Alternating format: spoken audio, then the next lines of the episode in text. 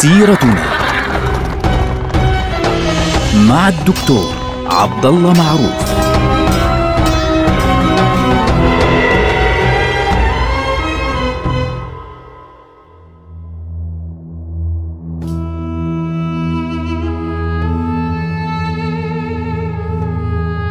السلام عليكم ورحمة الله وبركاته. سيرتنا سيرة هذه الأمة ونحن الآن في عهد بني العباس في عهد الدولة العباسية بل في واحد من العهود المهمة من عهود العباسيين اللي هو عهد المأمون.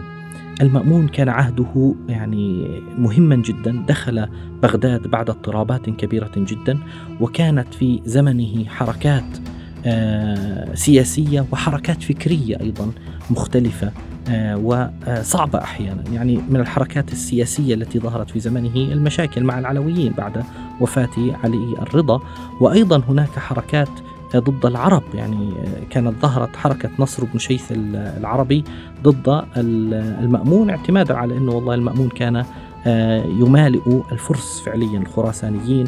وكان هناك مشاكل كبيرة جدا اضطر بالنهاية المأمون إلى مقاتلتهم جميعا.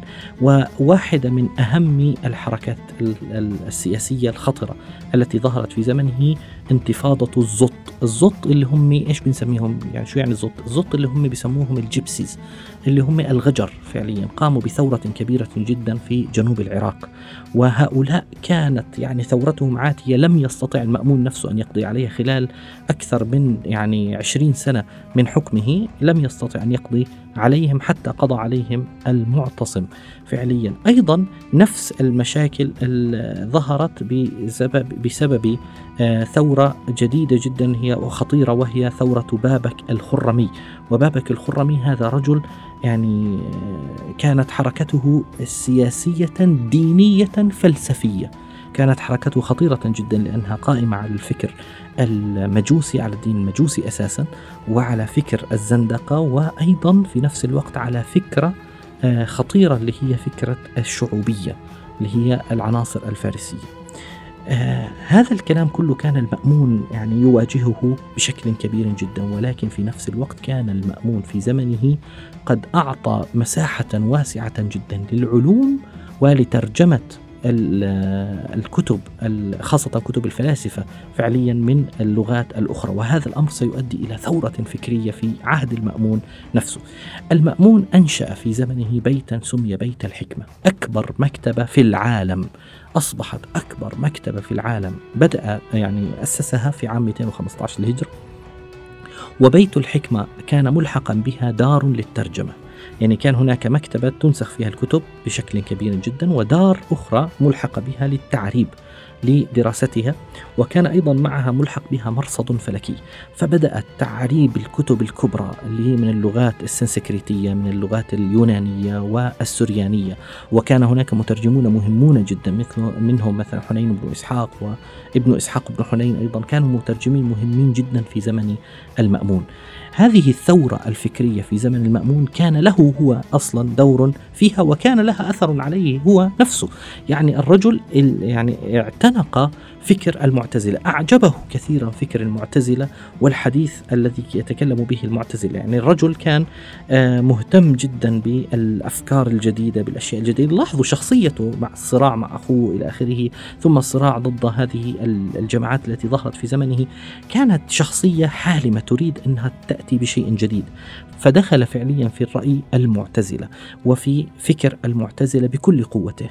ثم في نهاية سنة 217 بداية سنة 218 لنهايات عهد يعني المأمون بدأ امتحان الناس الكبير في فتنة خلق القرآن المشهورة. يعني طبعا فتنة خلق القرآن إيش هي؟ هي يعني حدث معين حصل في عهد المأمون كان أساسه وسببه الأساسي أن المعتزلة في زمن المأمون كان لهم أثر عليه نفسه على الخليفة نفسه. والمعتزلة معروفون أنهم كانوا يعني آه، ظهورهم كان للرد على أو رد فعل على ظهور حركة الزندقة سابقا. حركة الزندقة كان أساسها آه، فكريا. فبالتالي ظهرت ردود عليها يعني من الناحية الفكرية والفلسفية هذا الأمر أدى إلى تطور الفكر عند جماعات المعتزلة إلى آه، التفكير في ذات الله عز وجل والحديث في التفاصيل الدقيقة فعليا حتى وصل الأمر بهم إلى الدخول في موضوع يعني إحنا اليوم مش مستوعبين كثير من الناس يعني شو أهميته شو خطورته شو إلى آخره اللي هو موضوع أن القرآن مخلوق.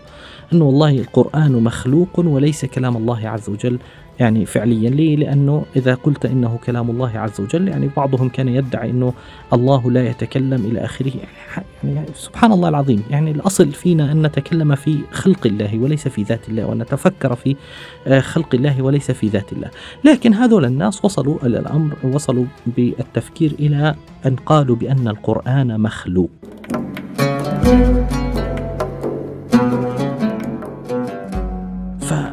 المأمون اقتنع بهذه الفكرة أعجبته الفكرة فأمر بأن تنقل هذه الفكرة للناس جميعا وأن تأخذها الناس جميعا بالقوة فعليا. فبالتالي آه يعني أمر بكتابة كتاب يمتحن فيه العلماء إنه عليكم أن تبدأوا بدراسة كل شخص وأن يتحدث مع كل عالم من العلماء وتسألونه هل يقولون بخلق القرآن أم لا. فمن لم يقل بأن القرآن مخلوق أو لم من لم يقل إن القرآن مخلوق فعليا ف آه، يعني فعليا ينتهي أمره إن صح التعبير. يعني يقول هو وترك شهادة من لم يقر أنه مخلوق في كتابه. واكتب إلينا بما يأتيك عن قضاة أهل عملك في مسألتهم والأمر له بمثل ذلك. هذا المأمون أمر بكتابة هذا الأمر في أشخاص محددين. يعني على سبيل المثال كتب مرة في كتاب واحد إنه سبعة أشخاص محدد يعني محددين. محمد بن سعد اللي هو ابن سعد المعروف كاتب الواقدي. ويحيى بن معين وأبو خيثمة وأبو مسلم آه، وإسماعيل بن داود وإسماعيل بن أبي مسعود وأحمد بن إبراهيم قال هؤلاء يجب أن يأتوا إليه. فامتحنهم بخلق القرآن. فأجابوه قالوا له طيب خلاص القرآن مخلوق يا عمي أنت بس يعني بين قوسين يعني ابعد عنا. فليش طلبهم بالاسم؟ لأنهم توقفوا أولا ثم أجابوه خلاص من باب أنه بدهم يخلصوا هالمشكلة. وكتب بعد ذلك بأن يحضر الفقهاء ومشايخ الحديث وأن يخبروا بما أجاب به هؤلاء السبعة. فبعضهم كان يمتنع وبعضهم كان يعني يرفض. فيحيى بن معين إيش كان يقول؟ يقول أجبنا خوفا من السيف. يعني قلنا له آه نعم القرآن مخلوق خوفا من السيف إنه الموضوع يعني سيكون فيه سيف. ثم كتب المأمون كتابا آخر آه إلى آه يعني آه واحد من قادة المعتزلة اللي هو إسحاق يقول له آه يعني أحضر من امتنع. فأحضر أحمد بن حنبل وبشر بن الوليد الكندي وأبو حسان وعلي بن أبي مقاتل والفضل بن غان إلى آخره وكثير يعني عدد لا بأس به.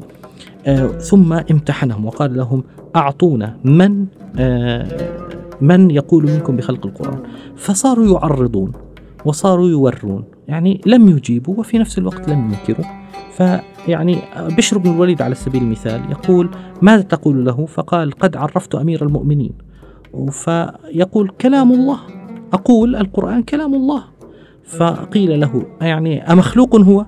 فقال ما أحسن غير ما قلت لك. وقد استعهدت أمير المؤمنين ألا أتكلم فيه. انتهى الموضوع. علي بن مقاتل قالوا له ما تقول القرآن مخلوق؟ فقال القرآن كلام الله. وإن أمرنا أمير المؤمنين بشيء سمعنا وأطعنا.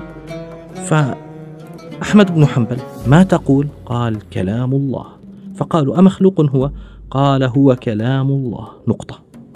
هو كلام الله. هو كلام الله. إخوانا إيش الخطورة في أن يقول أن يقال إن القرآن مخلوق؟ يعني ورد ذلك فعليا إنه آه، من أحد العلماء يقول لو قلنا إن القرآن مخلوق فإن الله خلق الكون بكلمة كن. فلو كانت كلمة كن مخلوقة فإن مخلوقا خلق مخلوقا. يعني كلام خطير. يعني ممكن الواحد يوصل الموضوع إلى حادثة يعني كبيرة. طبعا المأمون أخذ الموضوع أكثر من اللازم. يعني هو اعتمد أو اعتبر أن الحديث في موضوع خلق القرآن هو آه، يعني قضية ترتبط فعليا بالإجابة أو رفض الولاية ولاية الخليفة نفسه. فبالتالي آه، عندما وصل أحمد بن حنبل وصل به الأمر إلى الرفض القاطع فعليا يعني أخذه واعتبر أنه هذا الرجل إذا أصر على هذا القول وأصر على رفض القول بخلق القرآن فإن هذا يعني أن هيبة الخليفة لاحظوا هيبة الخليفة ستكون موضع شك بين العامة مما سيؤدي لاحقا إلى انفضاض الناس عنه وإلى ضعف الخليفة.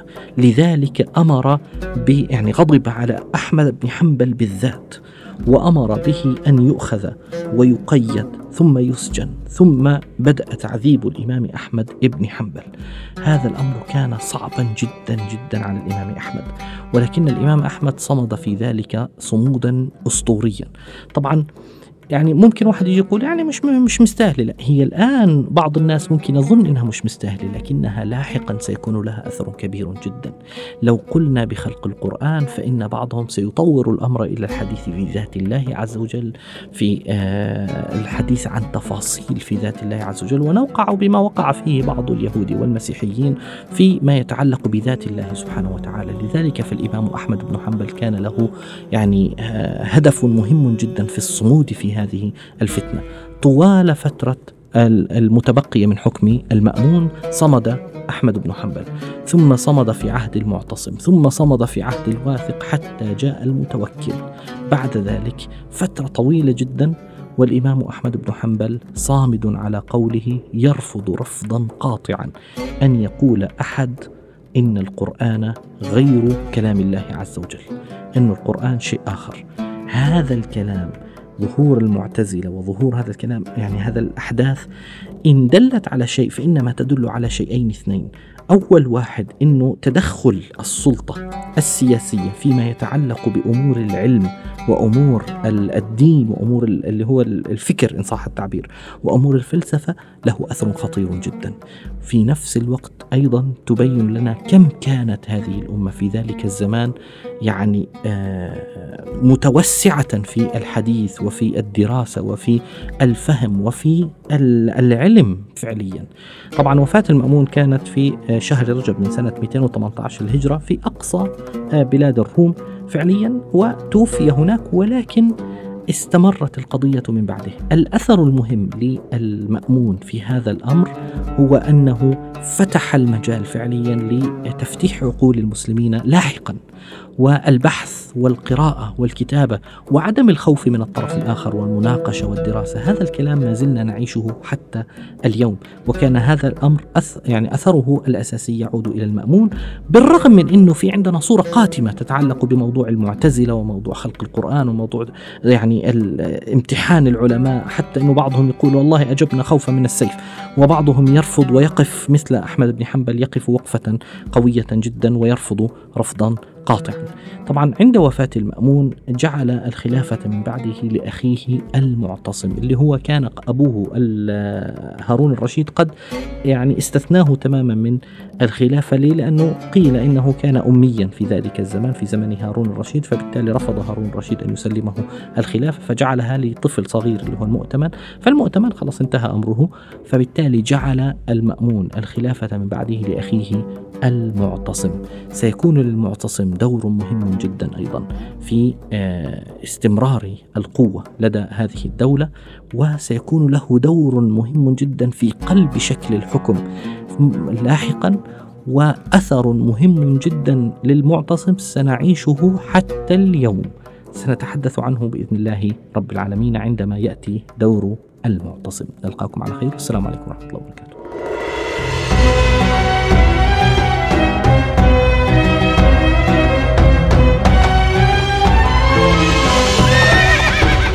سيرتنا